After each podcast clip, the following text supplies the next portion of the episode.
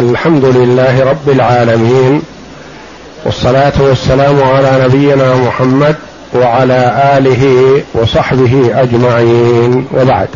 بسم الله. بسم الله الرحمن الرحيم.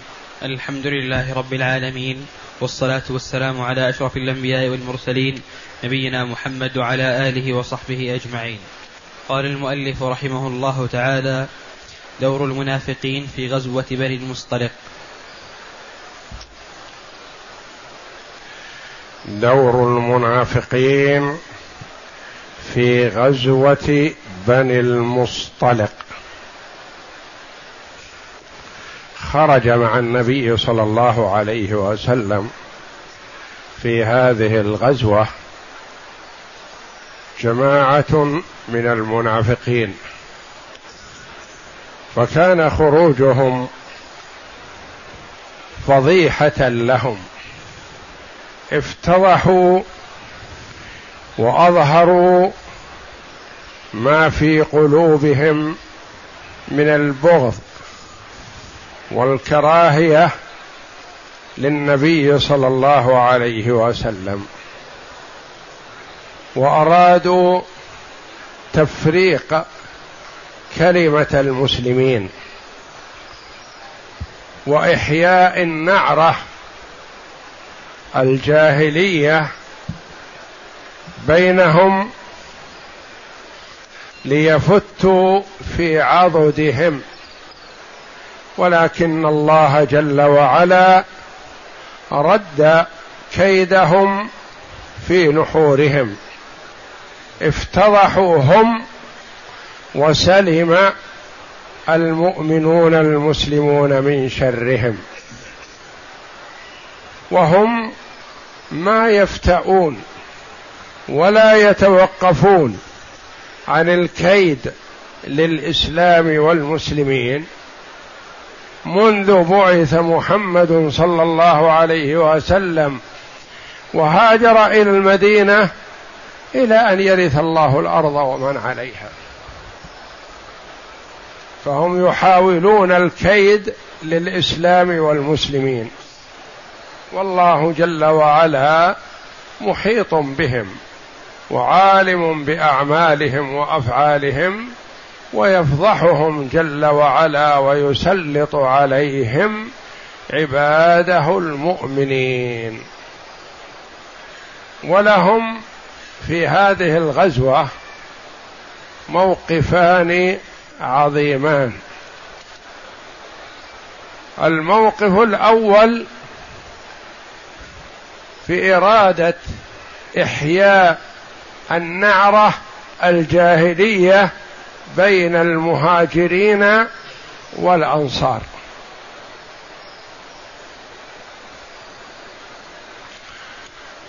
وإيجاد العداوة بينهم.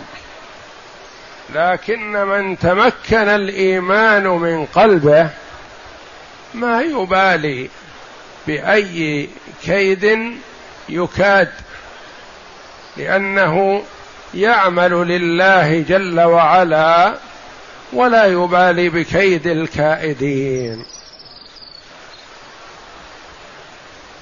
الموقف الثاني تناول عرض النبي صلى الله عليه وسلم في أحب أزواجه إليه صلوات الله وسلامه عليه ورضي الله عنها.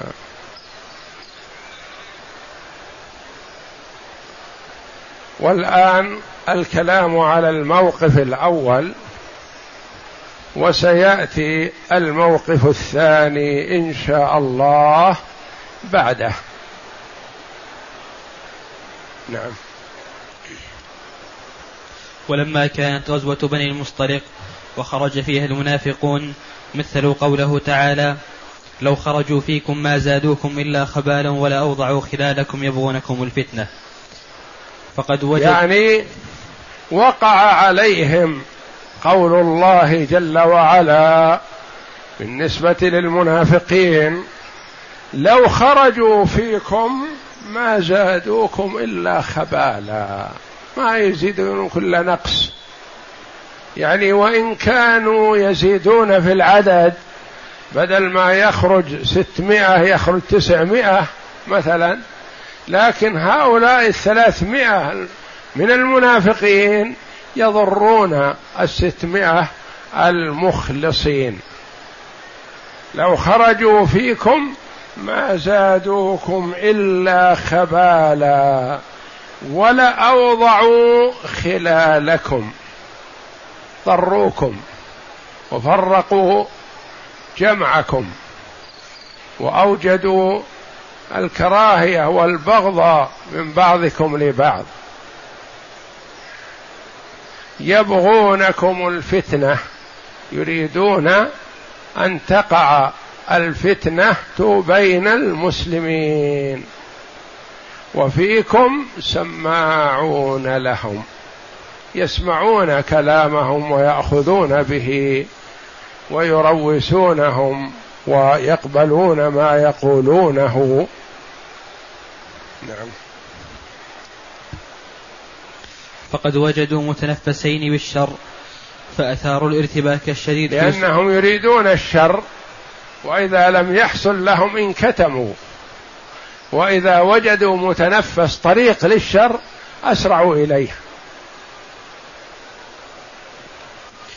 فأثاروا الارتباك الشديد في صفوف المسلمين والدعاية الشنيعة ضد النبي صلى الله عليه وسلم وهاك بعض التفصيل عنها. أولا قول المنافقين لئن رجعنا إلى المدينة ليخرجن الأعز منها الأذل.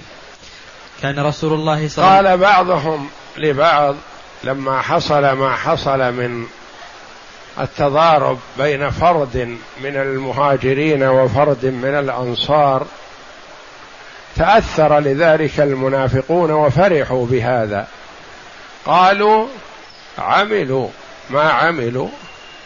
يقصدون المهاجرين رضي الله عنهم لئن رجعنا إلى المدينة ليخرجن الأعز المنافق هذا يعني الأعز نفسه.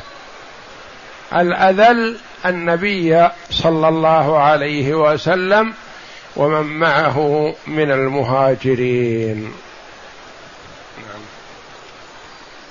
كان رسول الله صلى الله عليه وسلم بعد الفراغ من الغزو مقيما على المريسيع.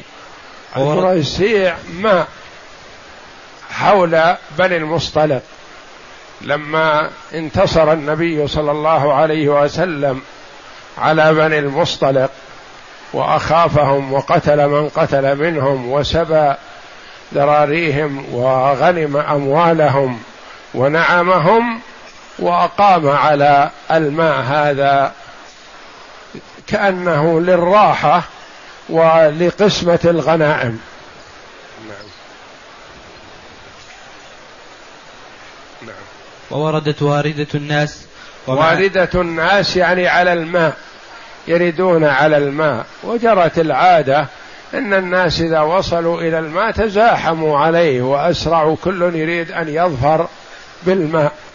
نعم. ومع عمر بن الخطاب أجير يقال له جهجاه الغفاري. جهجاه الغفاري أجير وليس برقيق وإنما هو من بني غفار أجير عند عمر بن الخطاب رضي الله عنه اسمه جهجاه. نعم. فازدحم هو وسنان بن وبر الجهني على الماء فاقتتلا فصرخ الجهني يا معشر الأنصار. وصرخ لما ازدحموا وحصل بين الاثنين مضاربة على الماء نادى الأنصاري قال يا للأنصار يعني تعالوا افزعوا. ونادى جهجاه قائلا يا للمهاجرين يعني تعالوا يا المهاجرين افزعوا لي. عاونوني على هذا وذا يدعي يدعو قومه وهذا يدعو قومه. وهذه نعرة جاهلية. وإن كان اسم المهاجرين اسم شرعي طيب واسم الأنصار اسم شرعي طيب لكنهم أرادوها جاهلية أرادوها نخوة إن هذا مع قومه وهذا مع قومه. نعم. وصرخ جهجاه يا معشر المهاجرين! فقال رسول الله صلى الله عليه وسلم أبدعوى الجاهلية وأنا بين أظهركم. دعوها يعني ما يليق أن يدعو كل قومة. هذه دعوى جاهلية وإنما ينظر في القضية من أخطأ يؤخذ الحق منه ومن أخطئ عليه ينصر حتى يؤخذ له الحق. هذا هو الحق وليس المراد التحزب واجتماع هؤلاء وهؤلاء. ليتناظروا بينهم. هذه سماها النبي صلى الله عليه وسلم دعوى جاهلية. يقول وأنا بين أظهركم موجود معكم ما يليق أن تقولوها. دعوها فإنها منتنة. منتنة. يعني هذه تسبب النتن والفراق والخلاف والشقاق في صفوف المسلمين. وبلغ ذلك عبد الله بن أبي بن سلول فغضب وعنده رهط من قومه. عبد الله بن أبي بن سلول هذا من أهل المدينة وكان زعيما لأهل المدينة وأرادوا أن يملكوه عليهم. فلما جاء النبي صلى الله عليه وسلم تركوه وأعرضوا عنه والقيادة العامة والولاية والأمر والنهي للنبي صلى الله عليه وسلم لا لغيره. فضاق ذرعا بوجود النبي صلى الله عليه وسلم والمهاجرين في المدينة وتضايق من هذا. وفرح لما حصلت هذه لعلها تكون سبب لإخراج الأنصار للمهاجرين من المدينة. وتمنى هذا. فغضب وعنده رهط من قومه. فيهم زيد بن أرقم غلام حدث وقال زيد بن أرقم رضي الله عنه غلام صغير والغلام يقال لمن لم يبلغ الحلم صغير لكن الإيمان خالط قلبه رضي الله عنه وكره أن يمس النبي صلى الله عليه وسلم بسوء أو أحد من الصحابة من المهاجرين رضي الله عنهم.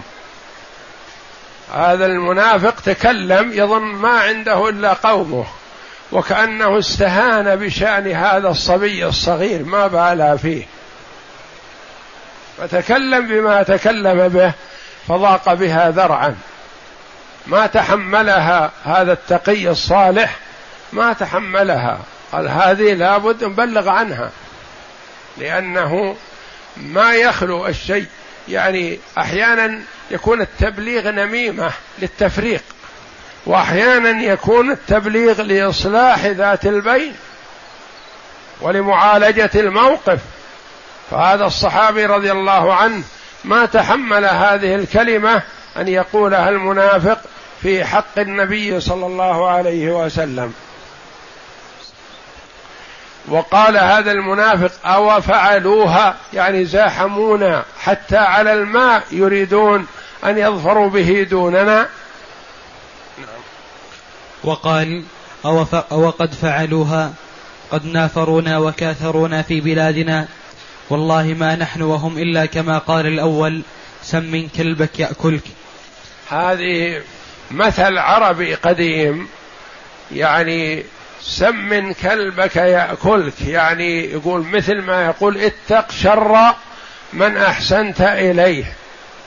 يقول يعني مثلنا ومثلهم نحن نعطيهم ونكرمهم ونغدق عليهم المال ثم ينقلبون علينا ويخشى في هذا.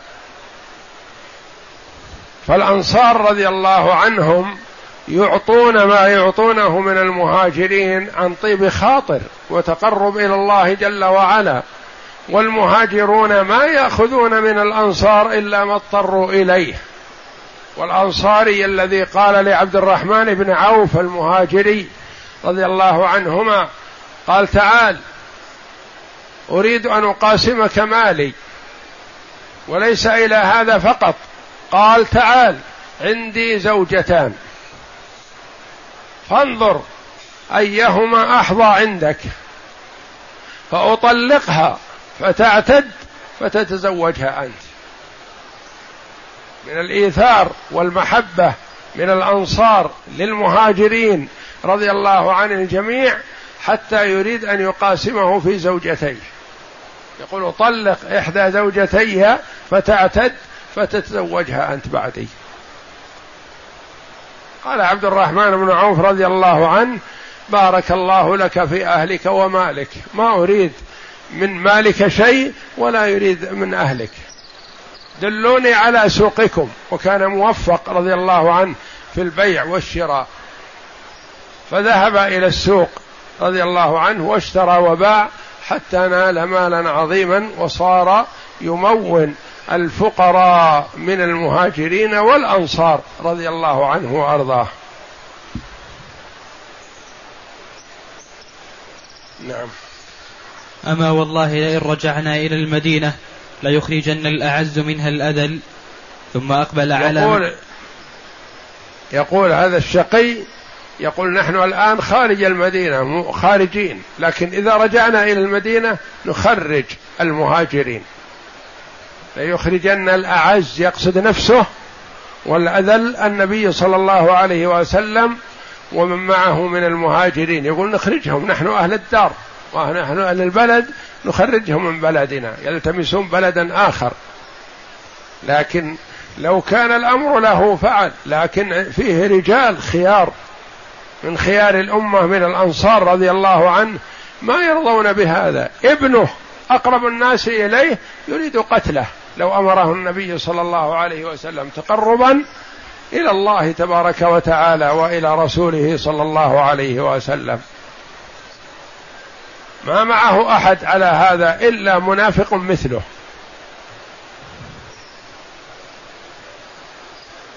يقسم والله لئن رجعنا إلى المدينة ليخرجن الأعز منها الأذل. يقصد ان العزة له والذلة للنبي صلى الله عليه وسلم. نعم. نعم. ثم أقبل على من حضره فقال لهم هذا ما فعلتم بأنفسكم. يقول لمن حوله من المنافقين مثله لأن النفاق المنافقون يألف بعضهم بعض وما يكون عنده من المنافقين. فالتفت إلى من حوله قال هذا فعلكم. أنتم أعطيتموهم وأكرمتموهم فتكبروا عليكم وتعاظموا. هذا ما فعلتم بأنفسكم أحللتموهم بلادكم وقاسمتموهم أموالكم أما والله لو أمسكتم عنهم ما بأيديكم لتحولوا إلى غير داركم. يقول لو أنكم لم تعطوهم ولم تواسوهم ما جلسوا عندكم لكن أنتم الذي فعلتم هذا الفعل. يلوموا قومه ومن حوله. ومن حوله من الناس أمثاله أو قريب منه إلا من هدى الله منهم. لكن زيد هذا غلام صغير يسمع هذا الكلام رضي الله عنه. ما اطمأنت نفسه ما استراح. نعم. فأخبر زيد بن أرقم عمه بالخبر فأخبر عمه رسول الله صلى الله عليه وسلم وعنده عمر فقال عمر مر عباد بن بشر فليقتله. هذا زيد رضي الله عنه كأنه شاب صغير غلام صغير ما يجرؤ يخبر النبي صلى الله عليه وسلم ويخشى أن لا يقبل منه النبي لأنه ما بلغ الحلم. فأخبر عمه يقول أخبر سعد بن عبادة رضي الله عنه وكان من كبار الخزرج ومن القادة رضي الله عنه وأرضاه. أخبر سعد بن عبادة بقول هذا المنافق عمه لعله قال عمه لكبر سن سعد لأن هذا غلام صغير والصغير جرت العادة يقول لمن هو أكبر منه وكبير يقول يا عم مثل ما ذكر عبد الرحمن بن عوف رضي الله عنه لما كان في موقعة بدر يقول نظرت فإذا على يميني شاب صغير فقال يا عم أتعرف أبا جهل؟ قلت نعم. أي والله أعرفه. قال إذا رأيته أشر لي عليه. فرآه فقال هذا أبو جهل يشير إليه. يقول فالتفت على يساري فإذا غلام آخر. فيقول يا عم يقصد عبد الرحمن بن عوف أتعرف أبا جهل؟ قال نعم أعرفه. قال إذا رأيته فأشر لي عليه. يقول ما تريدون منه. قال كل واحد منهم والله لئن رأيته لا يفارق سوادي سواده حتى يقتل أحدنا الآخر. أقتله يقتلني. رضي الله عنهم شباب صغار. يريدون من حاد الله ورسوله. ما يعرف أبا جهل لكنه يعرف أنه آذى النبي صلى الله عليه وسلم فيريد أن يفتك به. يقول يا عم كل واحد منهم يقول لعبد الرحمن بن عوف يا عم. فجرت العادة أن الصغير يقول للكبير يا عم. فهو قال لسعد بن عبادة رضي الله عنه كبير الخزرج وليس بعمه حقيقة وإنما عمه ثابت ابن قيس رضي الله عنه. عم زيد ثابت ابن قيس لكنه أخبر سعد أو أنه أخبر عمر بن الخطاب رضي الله عنه. فأخبر زيد بن أرقم عمه بالخبر فأخبر عمه رسول الله صلى الله عليه وسلم وعنده عمر عند النبي صلى الله عليه وسلم عمر. نعم. فقال عمر مرعب فأخبر زيد بن أرقم عمه بالخبر فأخبر عمه رسول الله صلى الله عليه وسلم. فأخبر عمه. فأخبر عمه رسول الله صلى الله عليه وسلم وعنده عمر فقال عمر مر عباد بن بشر فليقتله. فقال كيف يا عمر؟ إذا تحدث الناس أن محمدا يقتل أصحابه. يقول عمر رضي الله عنه قوة بالحق؟ يقول هذا ما يصبر عليه هذا المنافق. مر. عباد ابن بشر منهم من الأنصار فليقتله. هذا يستحق القتل على هذه الكلمة. هذه محادة لله ولرسوله وللمؤمنين. هذا زنديق ما يترك. فقال, فقال رسول الله صلى الله عليه وسلم الحليم الرحيم فكيف يا عمر إذا تحدث الناس أن محمدا يقتل أصحابه. لأن هذا يقول معنا الآن خارج. وكأنه واحد من الصحابة. فإذا قتلناه تحدث الناس قالوا التفت محمد إلى أصحابه فبدأ بهم يقتلهم. نعم. لا ولكن أذن بالرحيل. أذن بالرحيل صلى الله عليه وسلم. في وقت ما كان يأذن بالرحيل. لما؟ هذه حكمة. لأن الناس شاعت فيهم هذه الكلمة. ولو جلسوا في مكانهم على الماء تنقلت أكثر. وحصل فيها كلام وتفسيرات وإلى آخر وتعليق عليها. وحمي له ناس وهكذا فأمر صلى الله عليه وسلم بالرحيل. في نفس اليوم في نفس الساعة أمر بالرحيل واستمر في رحيله إلى الليل وإلى الصباح وإلى الظهر من الغد ما نزلوا إلا للصلاة مستمرين. لماذا؟ لأجل إشغال الناس عن هذا الكلام. فلما نزلوا مرهقين كل يريد الأرض يريد النوم. ما يريد أحد يتحدث معه. اللهم صل على محمد. حكمة ليصرفهم عن هذه المقالة. وإلا فقد أدرك بعض الصحابة رضي الله عنهم رحيل النبي صلى الله عليه وسلم في هذه الحالة والساعة ما كان يرتحل. أتاه أسيد بن حضير رضي الله عنه. أحد السابقين إلى الإسلام من الأنصار فقال يا رسول الله سلم عليه وتحياه بتحية النبوة. يا رسول الله ارتحلت في ساعة ما كنت ترتحل فيها. يعني وش العلم؟ ما الخبر؟ فقال أما سمعت ما قال صاحبكم؟ قال وماذا قال؟ قال قال كذا وكذا. قال أنت يا رسول الله الأعز وهو الأذل. والله إن شئت لتخرجنه. يعني ونحن معك. نحن نخرجه من المدينة إذا أمرتنا. يا رسول الله قبل أن يأتي بك الله إلينا كانوا ينظمون الخرز ليتوجوه ويجعلوه ملك على أهل المدينة. فلما جاء الله بك إلينا أنصرنا عنه. فيرى أنك استلبته ملكه. يعني هذا الحقد والكراهية من هذا المنافق للنبي صلى الله عليه وسلم لأنه يرى أن النبي صلى الله عليه وسلم حال بينه وبين ما هم به القوم من تمليكه عليهم. والنبي صلى الله عليه وسلم ذكر أهل السير لما بلغه الخبر. دعا زيد بن أرقم رضي الله عنه. فقال ماذا سمعت؟ فقص له ما سمع حرفيا رضي الله عنه بلا زيادة ولا نقص. فلما علم عبد الله بن أبي بن سلول المنافق بأن زيد بن أرقم أوصل الكلام إلى النبي صلى الله عليه وسلم. جاء ومن معه من أعوانه من المنافقين معتذرين.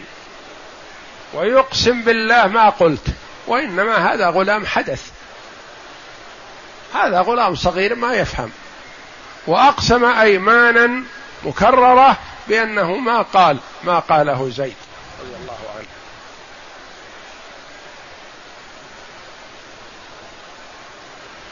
وتكلم معه بعض المنافقين وقالوا يا رسول الله لعل الغلام أخطأ. ما فهم الكلام. يقول زيد رضي الله عنه فصدقهم النبي صلى الله عليه وسلم وكذبني. فاهتممت لهذا هما عظيما. كيف أخبر الرسول عليه الصلاة والسلام بالحق والصدق لما يقول هذا المنافق؟ ثم يأتي المنافق يعتذر ويقبل النبي صلى الله عليه وسلم وأكون أنا أنا الكذاب؟ وحتى قال له عمه الذي بلغ النبي صلى الله عليه وسلم ماذا فعلت يا زيد؟ فعلت فعلا على نفسك على رأسك. كذبك النبي صلى الله عليه وسلم. يعني كأنك ما تأكدت وما أتيت بالخبر على حقيقته. ولامه عمه ولامه من حوله. كيف تنقل هذا الكلام غير الصحيح؟ تنسبه إلى هذا الرجل وهذا سيد وكبير من كبراء القوم. تكذب عليه. فاهتم لهذا زيد هما عظيما. يقول فاستكنت وجلست في رحلي ما أستطيع أخرج ولا أقابل أحد. رضي الله عنه. حتى جاء تصديقه رضي الله عنه من الله جل وجلاله. وأنزل الله جل وعلا على محمد صلى الله عليه وسلم سورة اسمها سورة المنافقون.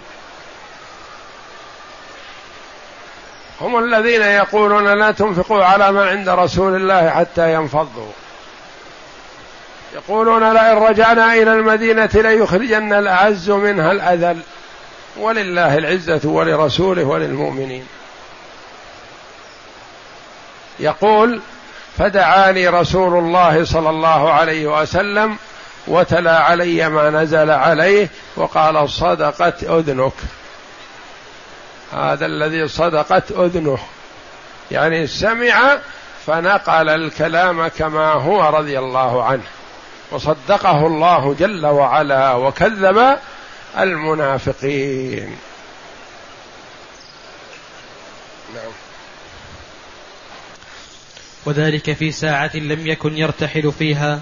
فارتحل الناس فلقيه أسيد بن حضير فحياه وقال لقد رحلت في ساعة منكرة. فقال له أو ما بلغك ما قال صاحبكم؟ يريد ابن أبي. فقال وما قال؟ قال زعم أنه إن رجع إلى المدينة ليخرجن الأعز منها الأذل. قال فأنت يا رسول الله تخرجه منها متى؟ تخرجه منها إن شئت. هو والله الذليل وأنت العزيز. ثم قال يا رسول الله ارفق به. فوالله لقد جاءنا الله بك. وإن قومه لينظمون له الخرز ليتوجوه. فإنه يرى أنك استلبته ملكا. ثم مشى بالناس يومهم مشى النبي صلى الله عليه وسلم بالناس يعني ساروا ما جعلهم ينزلون. نعم. ثم مشى النبي صلى الله عليه وسلم يومهم ذلك حتى أمسى وليلتهم حتى أصبح وصدر يومهم ذلك حتى آدتهم الشمس. ثم نزل بالناس فلم يلبثوا أن وجدوا مسمس الأرض فوقعوا نياما فعل ذلك ليشغل الناس عن الحديث. أما ابن أبي فلما علم أن زيد بن أرقم بلغ الخبر جاء إلى رسول الله صلى الله عليه وسلم وحلف بالله ما قلت ما قال ولا تكلمت به. وقال من حضر من الأنصار يا رسول الله عسى أن يكون الغلام قد أوهم في حديثه. قد أوهم. قد أوهم في حديثه ولم يحفظ ما قال الرجل فصدقه. قال زيد فأصابني هم لم يصبني مثله قط. فجلست في بيتي فأنزل الله إذا جاءك المنافقون هم الذين يقولون لا تنفقوا على من عند رسول الله حتى ينفضوا. إلى قوله ليخرجن الأعز منها الأزل. فأرسل إلي رسول الله صلى الله عليه وسلم فقرأها علي ثم قال إن الله قد صدقك. وكان ابن هذا المنافق وهو عبد الله بن عبد الله بن عبد الله بن أبي. ابن هذا المنافق عبد الله ابن عبد الله ابن أبي. المنافق عبد الله بن أبي. وابنه رجل صالح عبد الله ابن عبد الله. رجل صالح. جاء إلى النبي صلى الله عليه وسلم فقال إن أردت يا رسول الله قتل أبي فمرني بذلك. والله لا احضرن لك رأسه. فقال أو تحب ذلك؟ قال والله لقد علمت الخزرج ما فيهم أبر مني بأبي. لست عاق ولا مبغض. أنا بار بأبي لكن مقالته هذه شنيعة.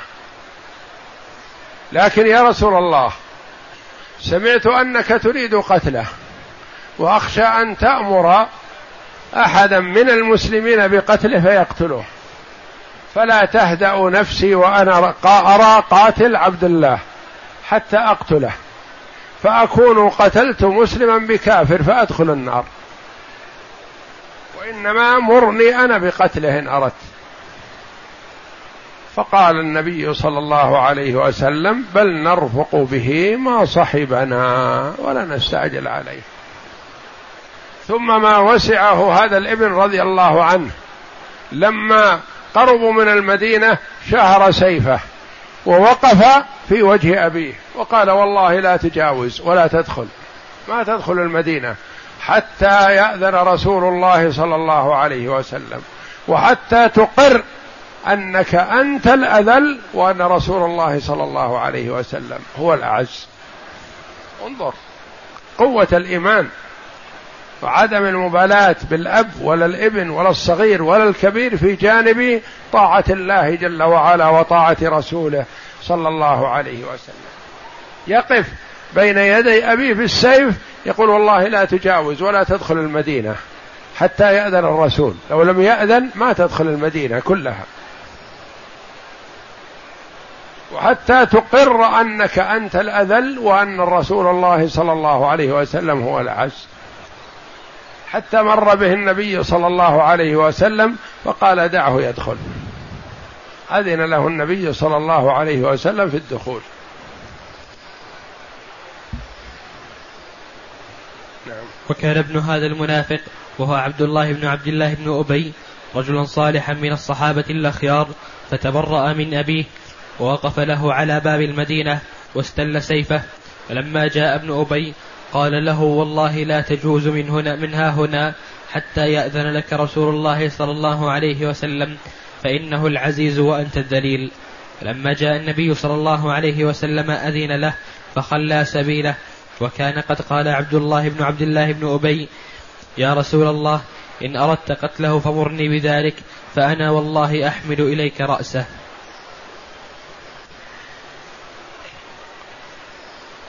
هكذا قوة الإيمان وعدم المبالاة بالقريب والصغير والبعيد والأب والابن في جانب طاعة الله وطاعة رسوله صلى الله عليه وسلم. مرني والله لا أحملن لك رأسه أجيب لك رأسه. أقتله تقربا إلى الله رضي الله عنهم وأرضاهم.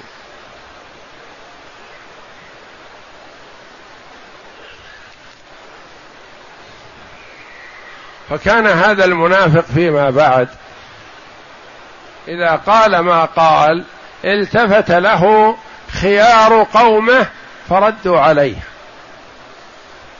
وتكلموا عليه ولو أمروا بقتله لقتلوه بينما في أول الأمر قال يا عمر لو أطعناك فيه وقتلناه في ذلك الوقت لأرعدت له أنوف أقوام.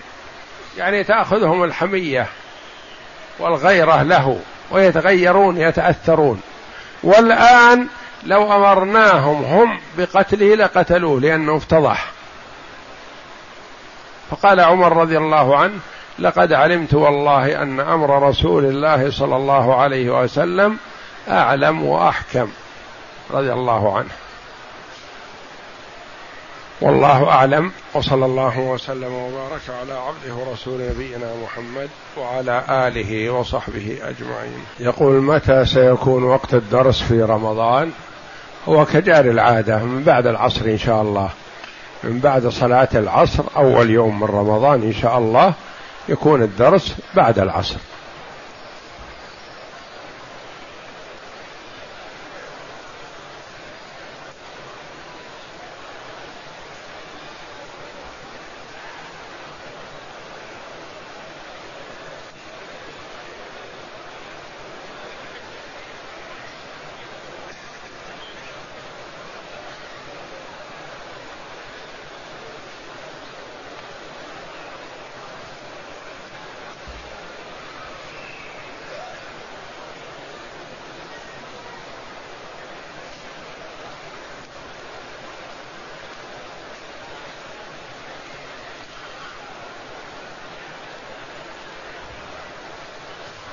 يقول السائل رجل يخرج زكاته كل رمضان واشترى بجميع المال الأسهم للتجارة والتداول في شهر ذي الحجة.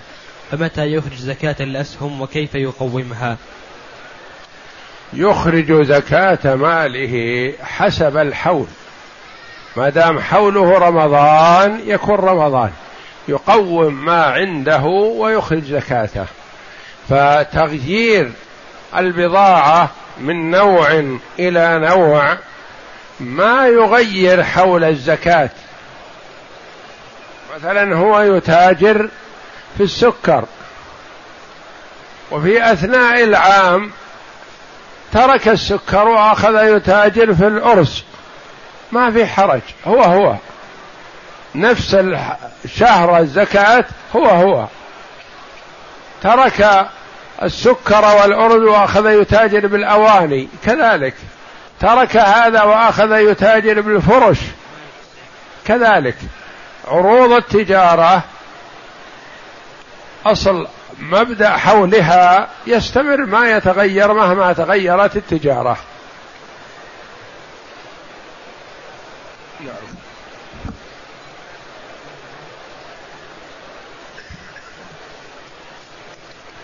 يقول إذا حاضت المرأة قبل أو أثناء وصولها للميقات وأرادت الحج فكيف تجيء ومتى تطوف؟ المرأة إذا حاذت الميقات أو وصلت إليه تريد حجا أو عمرة ثم حاضت قبل أن تحرم فيكون أمامها الخيار.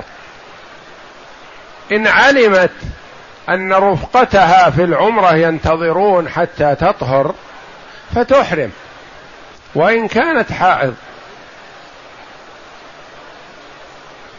كما تحرم المرأة الطاهر. وتدخل مكة محرمة. فمتى ما انقطع دمها تغتسل عن الحيض وتطوف وتسعى وتقصر من رأسها وقد حلت من عمرتها. أما إذا علمت أن رفقتها لا ينتظرونها وينتظرون طهرها ومضطرة للسفر معهم فلها أن تدخل معهم مكة بدون إحرام. تكون عدلت عن الدخول في النسك. هذا اذا لم تكن أحرمت. فإذا كانت متيقنة أنها تتمكن من أداء نسكها فتحرم من الميقات حائض أو طاهر ولا تطوف بالبيت حتى تغتسل.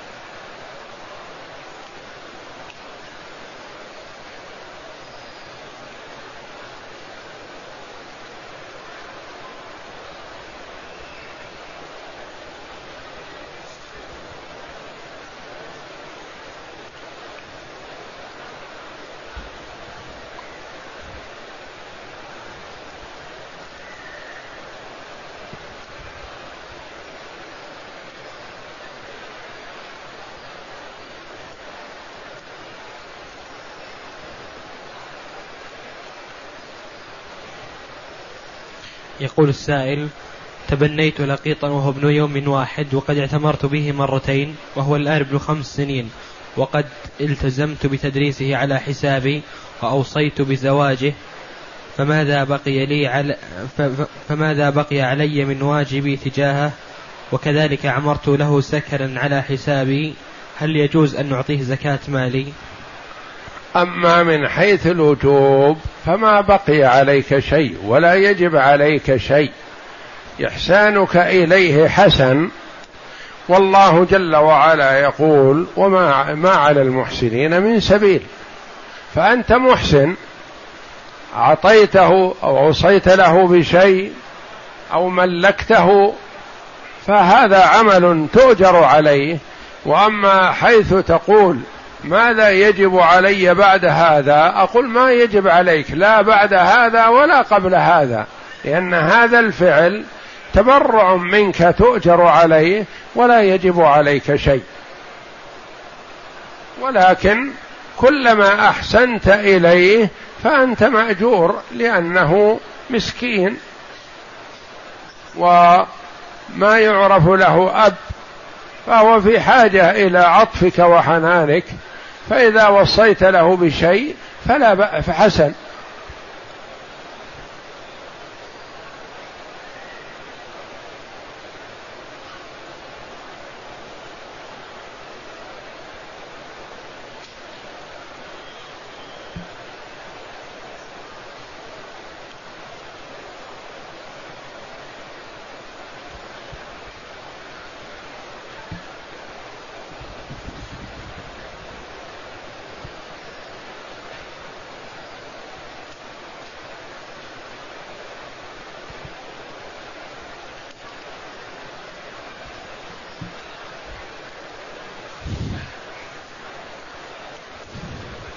يقول السائل أصبت بمرض خرج من ذكري شيء دون عمد وقد فحصت هذا المرض فلا يقول الطبيب لي إلا أنني أصبت بوسواس من الشيطان وكلما أصلي أضع القطن في ذكري. هل أبدل السروال الذي لبسته في الصلاة؟ وهل كلما أريد أن أصلي فرضا أو نافلة أبدل السروال؟ المسلم قد يبتلى بخروج البول أو الغائط أو الريح بدون اختياره. وهذه الأمور ناقضة للوضوء. فإذا ابتلي بشيء من هذا فعليه الصبر والاحتساب ويؤجر على هذا. وأما ما الذي يلزمه فيلزمه الوضوء بعد دخول الوقت وقبل الوضوء الاستنجاء غسل مكان النجاسة ووضع شيء يمنع نزول هذا الذي يحصل خاصة إذا كان بول أو غائط. وأما الريح فلا تضر لأنها ليس لها جرم فيضع شيء يمنع هذا النزول ثم يتوضأ بعد دخول الوقت ويصلي بهذا الوضوء الفرض والنوافل. قبل الفرض وبعد الفرض. فإذا خرج الوقت الذي توضأ له يتوضأ للوقت الآخر وضوءا جديدا ويزيل أثر النجاسة إن كان حصل شيء. ويحتسب الأجر عند الله جل وعلا بالصبر والاحتساب ويؤجر على هذا. ولا يجعل نفسه مثل من عوفي به. هذا مثلا يأتي لصلاة العصر ويجلس إلى المغرب وبعد المغرب إلى العشاء على حالته لا. ينظر ما الذي يجب عليه فيجب عليه الوضوء لكل صلاة. وينوي بوضوئه هذا استباحة الصلاة لأن حدثه لا يرتفع لأنه يتوضأ ويخرج من مكان الوضوء ثم يخرج منه شيء بول أو غائط أو ريح. والبول والغائط يحتاج إلى أن يجعل له شيء يمنعه ويحفظه في مكانه وأما الريح فلا تضره لأنها ليس لها جرم.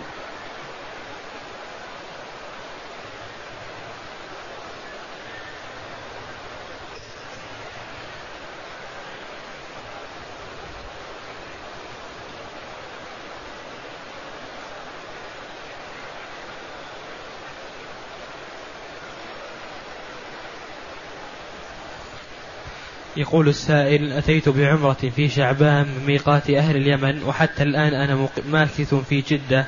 هل أحرم بعمرة ثانية من جدة؟ نعم. إذا دخلت مكة بعمرة في شعبان أو غيره ثم خرجت من مكة إلى جدة أو الطائف أو أي مكان أو المدينة ثم أردت المجيء إلى مكة في رمضان فتحرم بعمرة من المكان الذي أنت فيه. إن كنت خلف الميقات فإذا حاذيت الميقات تحرم. وإن كنت دون الميقات فتحرم من مكانك الذي أنت فيه وتدخل مكة معتمرا.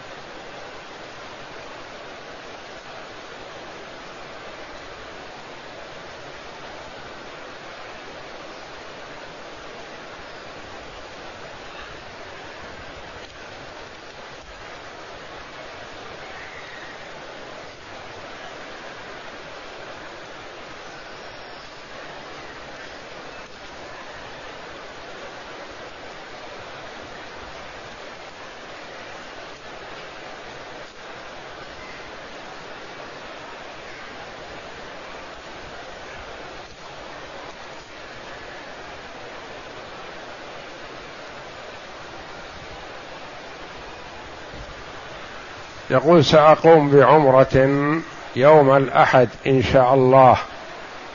الموافق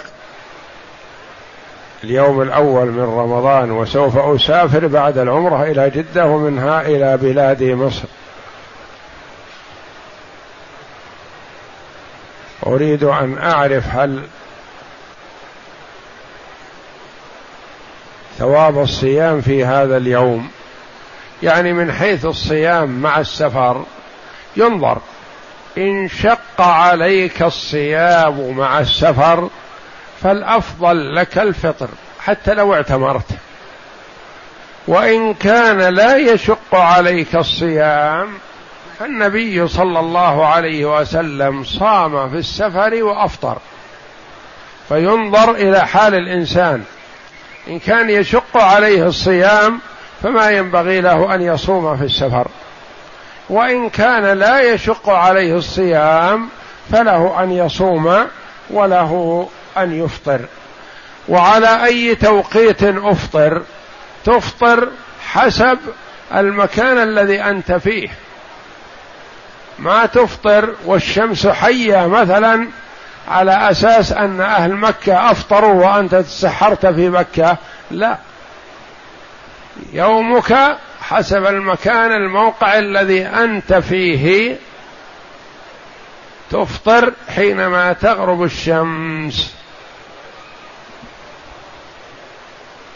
قال العلماء لو أقلعت الطائرة قبل أن تغرب الشمس ثم سرت وأنت ترى الشمس ما تفطر حتى تغرب الشمس عنك.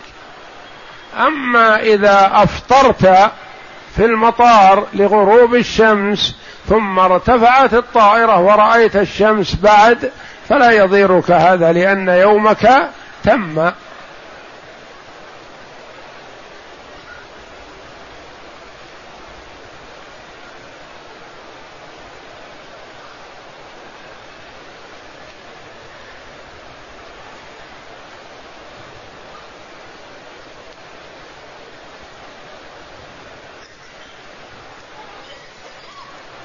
يقول السائل هل يجوز التطيب بالعطر قبل لبس ملابس الإحرام؟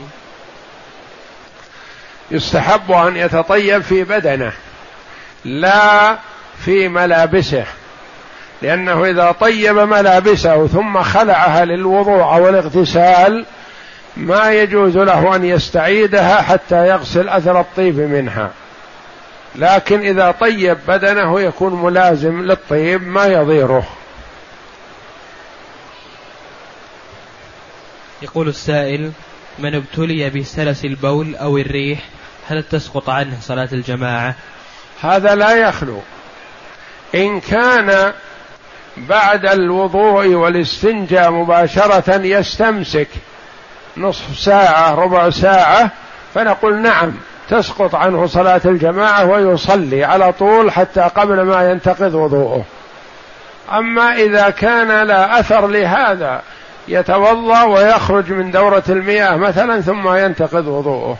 فهذا يصلي مع الجماعة. يتخذ وقاية تمنع نزول النجاسة ويصلي مع الجماعة. وإذا خشي من تولي من تلويث المسجد أو تعدي النجاسة فهو معذور. ما تجب عليه صلاة الجماعة حينئذ.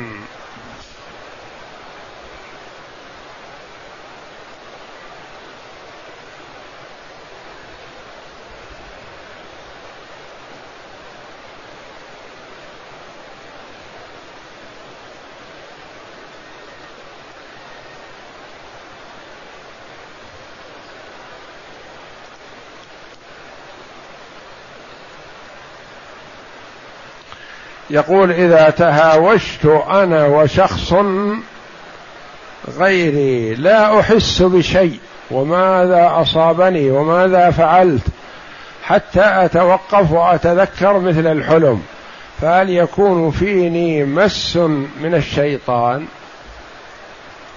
الغضب قطعة من النار والغضب يربك الإنسان. ويفسد عليه دينه ودنياه أحيانا. فعلى المرء أن يجاهد نفسه عن الغضب ويعالج نفسه. إذا كان شيء ما يغضبه فاصلا لا يتعرض له. وإذا ابتلي بشيء من الغضب فيحرص على أن يتوضأ لأن الغضب من الشيطان والماء والشيطان من نار والماء يطفئ النار. وإذا كان واقف فيجلس وإذا كان جالس فيستلقي ويحسن إذا تخاطب مع شخص بمخاطبة غضب أن يفارقه.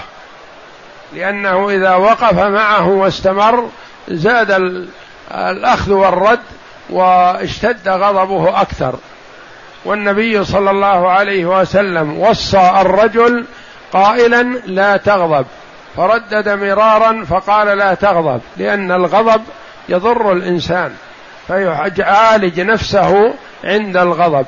فإذا سلم من الغضب سلم من شر كثير بإذن الله.